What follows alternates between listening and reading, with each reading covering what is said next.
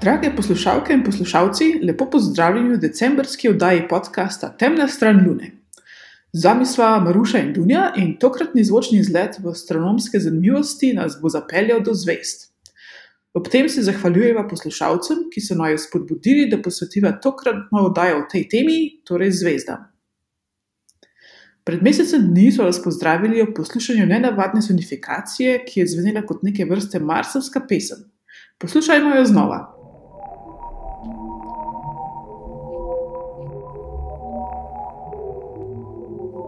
Torej, z razliko od prejšnjih epizod, kjer je sonifikacija bila povezana s fizikalnimi pojavi, torej z naravnimi pojavi, naprimer veter na Marsu, magnetno polje kometa, smo tokrat za primer izbrali sonifikacijo, torej uglasbitev posnetka.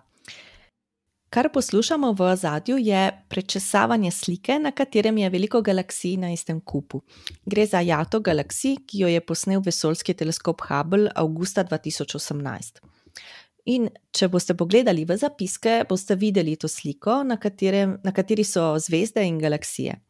Torej, če sliko prečešete z leve proti desni, se v resnici pomikate v času, torej gledate, kako se zvok spremenja v času. Glede na to, kje so locirani objekti, torej bolj proti dnu ali bolj na vrhu te slike, eh, pa so tem objektom prirejene frekvence. Torej, astronomski objekti, ki so na, bolj na dnu slike, jih slišimo z nizkimi toni, če so pa ti astronomski objekti uh, pač više v sliki, jih pa slišimo z višjimi frekvencami. Uh, in zvezde in kompak, kompaktni objekti imajo tak čist ton, spiralne galaksije, pa neko daljšo noto in višji ton. In ko se, zapelje, se zapeljemo v tem zvočnem posnetku čez središče jate. Ker je galaksij bistveno več, se srednji toni malce pomešajo.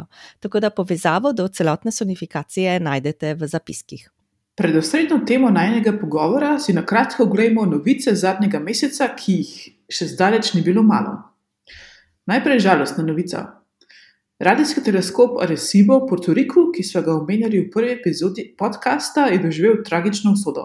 Zjutraj 1. decembra se je 900 ton težka platforma, ki je visela nad 300-metrskim krožnikom, sesula na teleskop in ga dokončno porušila. Tako slike kot video posnetka so kar šokantne, sreča je, da pri tem ni bilo žrtev.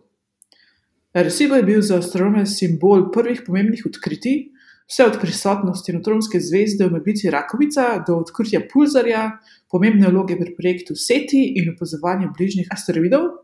Prepoznaven pa je bil tudi v raznih slavnih filmih, med katerimi je bil tudi stik oziroma kontakt v angleščini. Zaradi popolnoma poškodovane strukture še ni jasno, ali jo bodo sedaj razgradili, kot je bilo mišljeno začetno, ali pa pustili v ruševinah. Druga novica zadeva štiri astronaute, ki so 16. novembra poleteli proti mednarodni vesoljski postaji.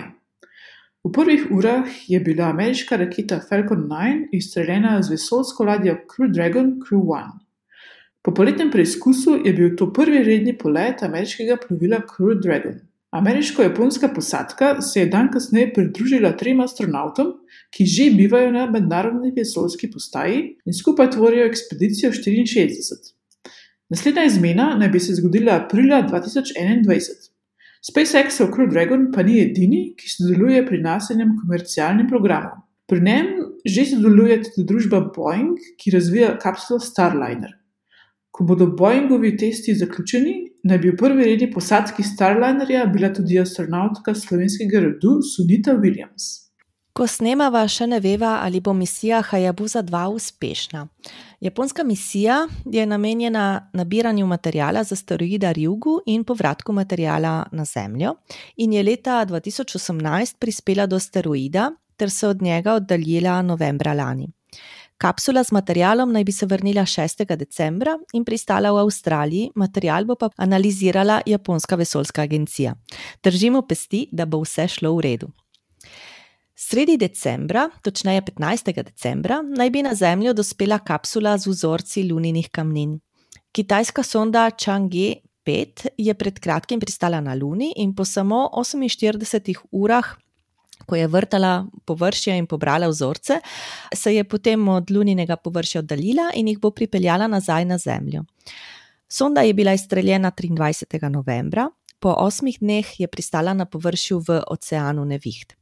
Ker naj bi bil ta del površja geološko mlajši, si znanstveniki obetajo tudi, tudi nove rezultate, ki bodo uh, razkrili torej geološko zgodovino Lune ter pomagali pri kalibraciji in določanju starosti površin notranjih planetov Osončja. Pristanek kapsule z luninim materialom pričakujemo v notranji Mongoliji 15. decembra. In še zadnja novica, ki nas privede znova med zvezde in zadeva velike preglede neba.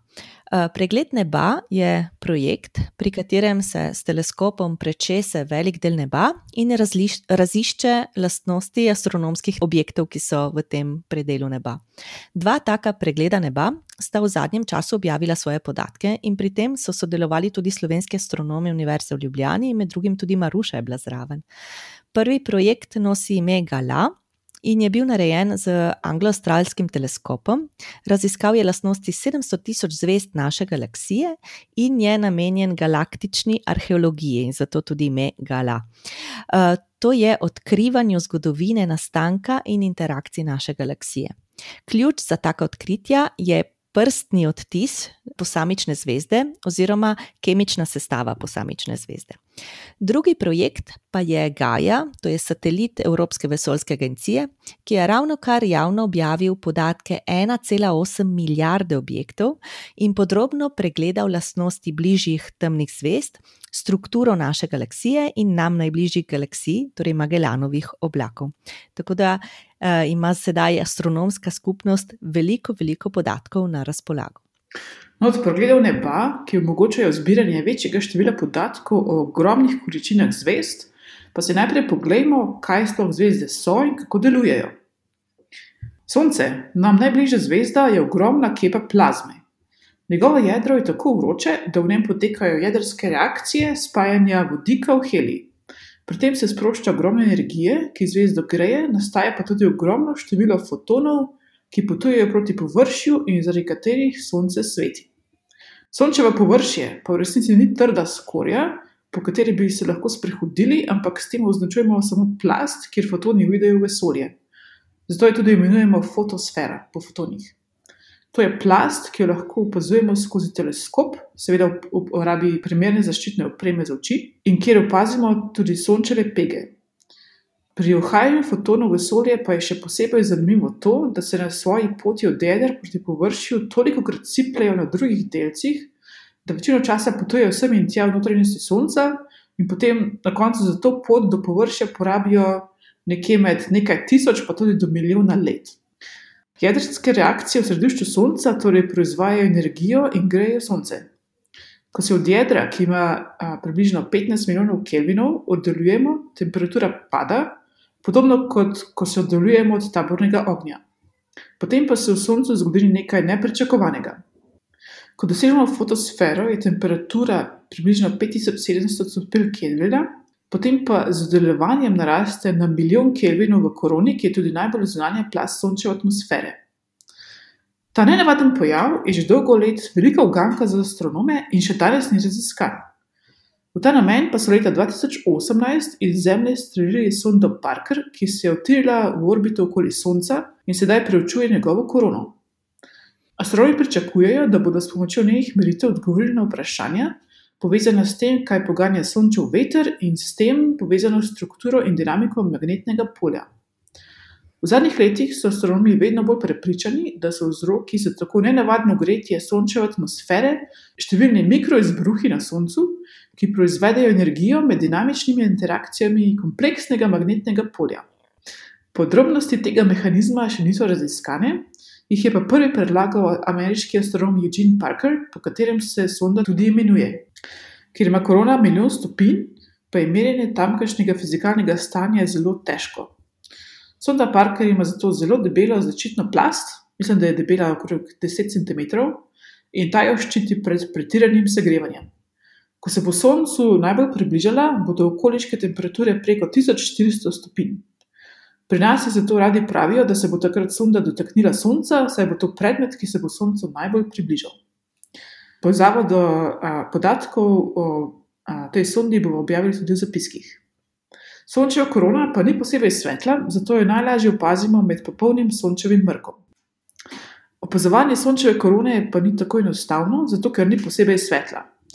Najlažje jo opazimo med popolnim sončevim mrkom, in naslednja taka priložnost bo že ta mesec in sicer 14. decembra, ampak samo v Južni Ameriki. Pri nas bo naslednji popolni sončev mrk viden leta 2081. No, ko se pogovarjamo o zvezdah, naj omenimo še zgodovinski članek, ki je konec 50-ih let prejšnjega stoletja, torej šel je leta 1957, spremenil razumevanje dogajanja v notranjosti zvezd in odgovoril na vprašanje, odkot prihajajo kemični elementi, iz katerih smo tudi sami sestavljeni. Naj začnemo od začetka. Torej, z razvojem teorije velikega poka v prvi polovici prejšnjega stoletja se je pojavilo tudi vprašanje o tem, kateri elementi so ob tem dogodku lahko nastali. George Gamow, ruski znanstvenik, je takrat predlagal, da so vsi elementi nastali ob velikem poku. In se njihovo razmerje od takrat ni več spremenjalo, torej od nastanka vesolja je ostalo razmerje enako. Toda drugi astronomi so potem pokazali, da se je vroče vesolje prehitro ohlajalo, da bi lahko nastali tudi težji elementi. Danes, na primer, vemo, da je ob prapoku nastal večji delež vodika, četrtino helija in zanemrljivo malo nekaterih lažjih elementov. Po drugi strani eh, so okrog 50 let v prejšnjem stoletju znanstveniki pokazali, da v zvezdah lahko potekajo reakcije spajanja vodika v heli, ki bi zadostovale za ohranitev zvezd v ravnovesju, torej da bi jih ohranile v življenju. Tako da ta del o tem, da, uh, da bi elementi nastali v, ob velikem poku in se njihovo razmerje ne bi več spremenjalo od takrat, ni, že takrat se je malo zamajal. No. Torej, kako in kje naj bi nastajali težji elementi? Ja, seveda, v središčih zvest bi lahko nastajali. Fred Hoyle, ameriški astronom, je trdil, da bi težji elementi, torej od litija dalje, lahko nastajali v središču zvest. Z zbiranjem dokazov in pregledom takratne literature so štirje znanstveniki izdali članek, ki ga imenujemo tudi B2FH oziroma B2FH po njihovih priimkih: Burbage, Burbage, Fowler in Hoyle. Kot ste verjetno razumeli, se priimek Burbage pojavi dvakrat, ker se v članku skrivata mož in žena. Danes bi nekaj besed spregovorila rada o ženski Margaret Burbage. Angliška astronomka Margaret Burbage je namreč letos umrla, dočakala pa je lepih sto let. Bila je med redkimi ženskami, ki so takrat delovale v astronomiji, in mož, s katerim sta se srečala v študentskih letih, se je odločil za preskok iz fizike na astronomijo ravno zato, ker ga je ona navdušila.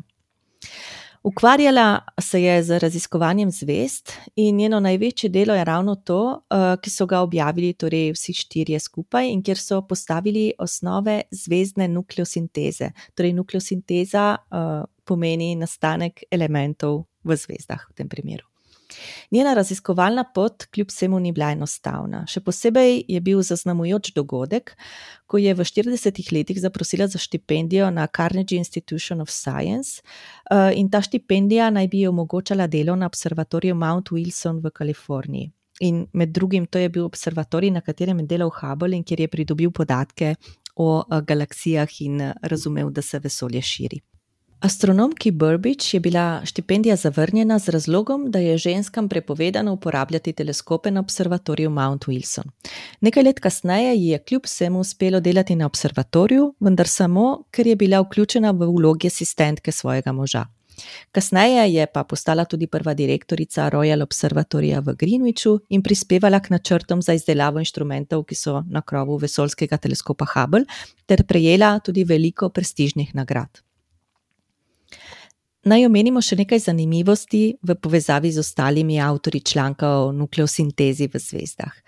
Fred Hoyle je bil ameriški astronom, ki je bil, torej vključno z zakoncema Burbage, zagovornik tako zvanega statičnega modela vesolja.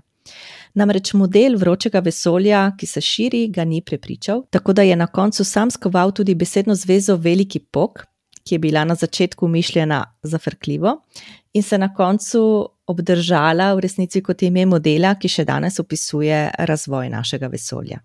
William Fowler pa je kasneje skupaj s kolegom Subramanianom Chandra Šekarjem uh, dobil Nobelovo nagrado za fiziko ravno za raziskave o poteku jedrskih reakcij v zvezdah. V glavnem, od velikega poka do prvih raziskav o središču zvest, je bilo vodilno vprašanje, kje nastajajo težji elementi, iz katerih smo tudi mi sestavljeni. In odgovor, če parafraziramo Shakespearea, je: iz take smo snovi kot zvezde. No, ko se pogovarjamo o zvezdah, pa se sedaj posvetimo tudi vprašanju, ki nam ga je poslal poslušalec Sandy, ki se mu lepo zahvaljujeva. Preko brasta na spletni strani podcasta naj jo je vprašal, ali obstaja zgornja meja za zvezde. Um, odgovor je: ja. V astronomiji vse zvezde primerjamo s tisto zvezdo, ki jo najbolje poznamo, torej s Soncem. Njegova masa je 2x10 na 30 kg, 2x10 in še 29 ničel. To je ogromna številka. Masa drugih zvezd pa merimo v masah Sonca. Zvezde, ki jih vidimo na nebu, imajo tako mase od le desetine sončeve mase, pa do več kot 100 mas Sonca. Zgornja meja je odvisna od procesov, ki se dogajajo v notranjosti zvezd. Življenje zvezd je namreč neke vrste boj med gravitacijo, ki bi jih rada sesedla, in pa med sevalnim tlakom, ki bi jih razpihnil. Ko sta ti dve sili nasprotno enaki, je zvezda v ravnovesju. Ker pa bolj masivne zvezde v jedru proizvajajo več energije in sevanja, je njihov sevalni tlak večji. Če je prevelik, se zunanje plasti zvezde razpihnejo in zvezde izgubijo ogromne količine mase z zvezdnimi vetrovi. Zgornja meja, ko je zvezda še stabilna in ima tako močnih vetrov, pa je približno 120 mas Sonca. Obstaja pa tudi spodnja meja za maso zvezde, ki pa je tudi odvisna od jedrskih reakcij v središču. Če namreč maso zvezde zmanjšamo, ta v svojem jedru proizvaja vedno manj energije. Ko doseže nekaj manj kot desetino mase Sonca, temperatura v jedru ne zadošča več za potek jedrskih reakcij in te se ustavijo. Take objekte imenujemo rjave pritlikovke. Njihovo življenje je drugačno od zvezdnega, saj izgubljene energije ne morejo nadomestiti in se celo življenje počasi ohlajajo. Potem se vprašamo, kako pa lahko maso zvezde sploh izmerimo. Oddaljenih zvezd namreč ne moramo postaviti na tehnico, zato je njihovo merjenje mase netrivialno. Zanesljivo lahko maso zvezd ocenimo v dvozvezdjih, ker zvezdi krožita okoli skupnega težišča. Z uporabo Keplerjevega zakona lahko ocenimo maso, če poznamo njeni orbiti in sicer oddaljenost od skupnega težišča in pa čas, ki ga porabite za en obhod. Uh, je pa tako, da so najbolj masivne zvezde zelo daleč, zato je ocena mase manj zanesljiva. Sicer pa lahko maso zvezde z manjšo natančnostjo ocenimo tudi iz relacije med maso, temperaturo in sevom zvezde. Izsev temperaturo namreč lahko zanesljivo izmerimo, sploh sedaj, ko imamo na voljo točne ocene oddaljenosti zvezd, ki jih je izmerila Gaja. Ker vemo, da so bolj masivne zvezde tudi bolj vroče in imajo večji izsev kot manj masivne zvezde, lahko iz te relacije ocenimo njihovo maso. Ta relacija pa velja za zvezde, ki v svojem jedru porabljajo vodik v jedrskih reakcijah. Ko gorijo porabijo, pa se njihovo življenje spremeni ker masivne zvezde svetijo z veliko večjo močjo kot manj masivne zvezde, tudi veliko hitreje porabljajo zaloge energije. Njihova življenja so zato razsipna in kratka. Zato zelo masivnih zvezd ni veliko, ponovadi jih najdemo v bližini zvezdnih porodnišnic, saj ne živijo tako dolgo, da bi se od njih lahko znatno oddaljile. Razlog za njihovo majhno število pa je tudi, pa je tudi v tem, da v vesolju nastane veliko več zvezd manjšo maso. Ti živijo najdlje, ker so energetsko varčne. Življenje masivnih zvezd se konča tako, kot je tudi potekalo: spektakularno in sicer v eksploziji supernove. Ko zvezdi v jedru zmanjka goriva, se valni tlak, ki nasprotuje gravitaciji, pade in zvezda se v sekundi sesede sama vase in povzroči eksplozijo, ki jo imenujemo supernova. Pri tem se sprosti toliko energije, da postane celo bolj svetla od galaksije same. Zvezde so res zanimive, sploh če na nje pogledamo kot na astronomske objekte, ki s časom spremenijo svoje značilnosti. Danes vemo, kaj jih sestavlja, katere jedrske reakcije v njih potekajo in jih obdržijo pri življenju, in kaj se jim zgodi ob smrti. Še pred sto leti pa to ni bilo znano. In če pobrskamo po slovenski literaturi, najdemo tudi primer poročanja prisotnosti nove zvezde na nebu in opisa, zakaj je do tega prišlo. Ko sem malo pregledovala podatkovno bazo digitalne knjižnice Slovenije, sem naprimer našla kratek članek iz leta 1901 eh, pod peresom Ivana Sušnika, ki je bil objavljen v literarni reviji Dom in svet. Članek z naslovom Nova zvezda govori namreč o zvezdi, ki je postala vidna februarja 1901 v ozvezdju Perzeja. Na kratko si poglejmo, kako jo je opisal avtor. Dne 21. februarja so zvezdoslovci opazili na nebu naenkrat novo zvezdo. Prikazala se je v zvezdju Perseja in jo je bilo videti zvečer skoraj navpično nad nami. To zvezdo so učenjaki s spektroskopom natančno preiskavali. Šar je kazal svetle črte žarečega vodenca. Zvezdoznanci so iz tega sklepali, da se je na zvezdi izločila velika množina vodenca, ki se je užgal in druge snovi na zvezdi vnev. Ta požar na zvezdi pa ni dolgo trajal, zato je tudi zvezda postala kmalo zopet nevidna. Zanimivo je vprašanje, kaj povzročuje pri nebesnih svetovih one velikanske ognjene erupcije, vsled katerih nam postajajo na novo vidni. Zvezdoznanci odgovarjajo na razne načine. Vse tako zvane nepremičnice našega ozvezdja se premikajo v svetovnem prostoru, tako po odkazanih potih in se sučejo najbrže okrog skupnega težišča. Zaradi silne razdalje, seveda, s prostim očesom tega premikanja ne moremo opaziti. V svetovnem prostoru se pa ne nahajajo samo zvezde, temveč tudi neizmerne množine raznih snovi, katere imajo obliko večjih ali manjših meglic in o katerih se misli, da se polagoma zgoščujejo v prave zvezde. Mogoče je tedaj, da zvezda na svojem potu zaide v tako meglo, katera se stoji iz velike množine plinov, ki se ob zvezdi vnemajo in povzročijo silen požar. To je eno mnenje učenjakov. Drugi pa menijo, da lahko nastane velikanska erupcija na zvezdi sami. Razni plini se izločijo iz zvezde in se vžgo. Nekoliko temu podobne bi bile protuberance na Solencu, katere se na obrobju kažejo v podobi silnih plamenov in na osredju Solenca v podobi zvanih bakelj. Tretji, manj verjetni slučaj bi se utegnil primeriti, ako dve zvezdi trčita skupaj. Da obe telesi pri tako silnem udarcu zažarita, je brezpomno tudi še tedaj, ako sta obe zvezdi popolnoma brez ognjene vsebine. Toda v tem slučaju bi ogenj ne bil samo na površju, ampak zažarela bi vsa vsebina obeh zvezd in tak žar bi ne ugasnil v nekoliko dneh ali mesecih, ampak zvezda bi morala svetiti dolgo, zelo dolgo časa, skozi stoletja in še dalje.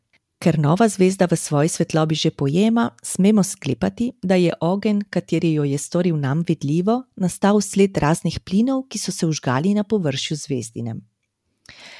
Meni se zdi pričevanje zanimivo, najprej, ker je bilo vključeno v revijo, ki je bila literarnega tipa, potem pa tudi zato, ker omenja tri možnosti, o katerih se je takrat razpravljalo, glede nastalega svetlega izvora na nebu. Prva je bila, da bi zvezda lahko zašla v oblak plina, če mor pravimo tudi danes meglica, in bi ta plin v stiku z zvezdo zažarel oziroma povzročil požar, se unev. No, požari se na zvezdah v resnici ne dogajajo. Druga možnost, ki omenja članek, je pa ta, da bi lahko prišlo do erupcije na zvezdi sami uh, in podobno kot prihaja do erupcij, kot so protuberance in bakle, ki jih v resnici vidimo na Soncu.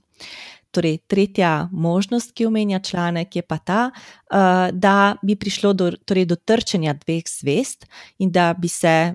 Bi zažareli zaradi tega, ker bi se um, pač njihova njuna vsebina unela. Ne. V resnici, torej, nova eh, Perzeja, kot jo poznamo danes, je bil transientni pojav, oziroma je transientni pojav, do katerega je prišlo že nekajkrat. Nastane pa v primeru dvojnih zvest, pri katerih je ena izmed teh bela pritlikavka. Ker gre za tesno dvozvezdje, torej sta si zvezdi zelo blizu, pride do dotekanja snovi. Z ene zvezde na belo pritlikavko in posledične eksplozije in oddaje energije kot dodatno zanimivost naj povemo še, da ta ista nova, torej, ki je eksplodirala leta 1901, oziroma ki so jo videli leta 1901, nastopa pa še v kratki zgodbi H.P. Lovecrafta, torej avtorja, ki ga mogoče poznate po Ktuljevih mitih in je pisal grozljivke in fantastične ter znanstveno-fantastične zgodbe, in kjer je omenjena kot nova, ki je zasvetila v bližini zvezde Algol, torej v ozvezdju Perzeja. Zdaj je bil pa zelo zanimiv zgodovinski opis, pa tudi zanimiva razmišljanja in teorije o nastanku nove. Danes niti ne predstavljamo več o kakšnih teorijah, ki so takrat razmišljali. Impresivno pa je tudi, da imamo danes, sto let kasneje, ogromno, milijarde podatkov o bližnjih zvezdah in da lahko, čeprav se zemlje ne premaknemo, toliko povemo o njihovem nastanku, življenju, razvoju in smrti. Ja, res je. No, da je pred zaključkom naše epizode, pa pogledajmo še, katere astronomske bisere nam namenja letošnji december. Prvi dogodek, vreden spremljanja, bo v noči iz nedelje 13. decembra na ponedeljek 14. decembra. Takrat bo najbolj aktiven meteorski roj Geminidov. Naj vas ne preseneti, saj lahko opazujemo meteorske roje tekom, tekom celega, celotnega leta. Edino malo bolj pozorni smo na naravne pojave poleti, ko se lažje zdržimo do poznih ur pod zvezdnatim nebom. Geminidi so eden izmed redkih rojev, ki ne izvirajo sledi prahu, ki jo je za sabo pustil komet. Za Geminide je namreč odgovoren asteroid 3200 Phaeton. Roj Geminidov izhaja na videzno iz točke v zvezdi Dvojčka in od tu dobijo tudi ime. Letos nas pri opazovanjih ne bo motila Luna in med vrhuncem aktivnosti sredi noči naj bi jih videli v idealnih pogojih, seveda, okrog 150 na uro. Letošnji zgodovinski dogodek bo zagotovo konjunkcija Saturna in Jupitra. Do konjunkcije pride, ko vidimo na nebu dve nebesni telesi tesno skupaj. Jupiter in Saturn bosta najbližje 21. decembra, ko bosta na nebu samo 6 ločnih minut na razen. To je neko vredno eni petini premjera Lune, kar je zelo malo. S prostim očesom bosta vidna kot skoraj ena zvezda nad, nad jugozahodnim obzorjem. Seveda se bosta blizu na nebu tudi nekaj dni prej in po tem datumu, čeprav bosta od nas oddaljena 890 milijonov km. To je podatek za Jupiter, in 1,6 milijarde km. In to je podatek za Saturn. Če bo vreme zdržalo in če boste imeli na voljo teleskop, pa tega ne zamudite, saj boste 91. decembra samo z enim pogledom zaobjeli oba planeta. Pa še Jupitrove lune boste videli in Saturnove vroče, vse v istem opazovalnem polju. Zadnjič, ko se je tako nevidno bližnje srečanje zgodilo, je bilo leta 1623. Torej bo to res zgodovinski dogodek. Super pogled bo, zdaj pa samo še jasno vreme naročimo. Ne pozabite pa pogledati v nebo in opazovati Mars, ki je še vedno v svetu in lepo viden na jugo-jugozahodnem obzorju, nekaj več kot uro po sončevem zahodu. Tokratna epizoda podcasta Temna stran Lune je tudi zadnja v letošnjem letu. V tem četrtem podkastu, kjer smo se pogovarjali o zvezdah, smo zbrali nekaj zanimivosti o zvezdah in upava, da so vam bile všeč, in se seveda nismo utegnili dotakniti vsega, kar zadeva zvezde. Zato bo še čas naslednje leto. Če se vam je porodilo kakšno novo vprašanje, se nama lahko oglasite. Pišete nama lahko preko obrazca na spletni strani podcasta spletna stran podcasta je anshor.fm, pošiljka temna stran Lune. Ali se oglasite preko družbenih omrežij, eh, povsod naj jo najdete z iskalnim nizom Temna stran Lune. Če se vam je zdela epizoda zanimiva, jo pa uh, priporočite tudi prijateljem, in veseli bova tudi, če nam bo, boste dali iskreno oceno in mnenje na Apple podcastu, ali pa da nama vaše mnenje in tudi kritiko posredujete preko obrazca. Uh, predvsem pa dobrodošla so tudi vprašanja in predlogi za naprej. Vsem, ki ste se nama že oglasili, naj se lepo zahvalimo. Priložnost za odgovor na vaše vprašanja boste dobili v epizodah, ki so še pred nami. Temna stran Lune je sedaj tudi na Facebooku, Twitterju in Instagramu, kjer bova počasi povečali najno aktivnost. Tu boste našli še kako zanimivost ali dodatek, ki mogoče ni prišel v podcast. In tako smo prišli do konca oddaje. S čim se bomo pa poslovili? Seveda z novo zvočno uganko, ki zaključuje letošnje leto in je tokrat povezana s temo epizode. In sicer to že poslušate v zadju. Le kaj bi lahko ta nenavaden zvok bil?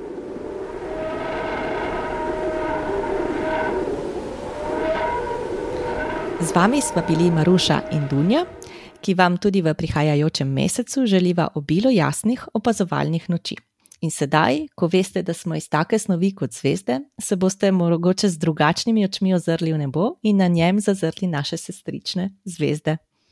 Srečno! Adijo!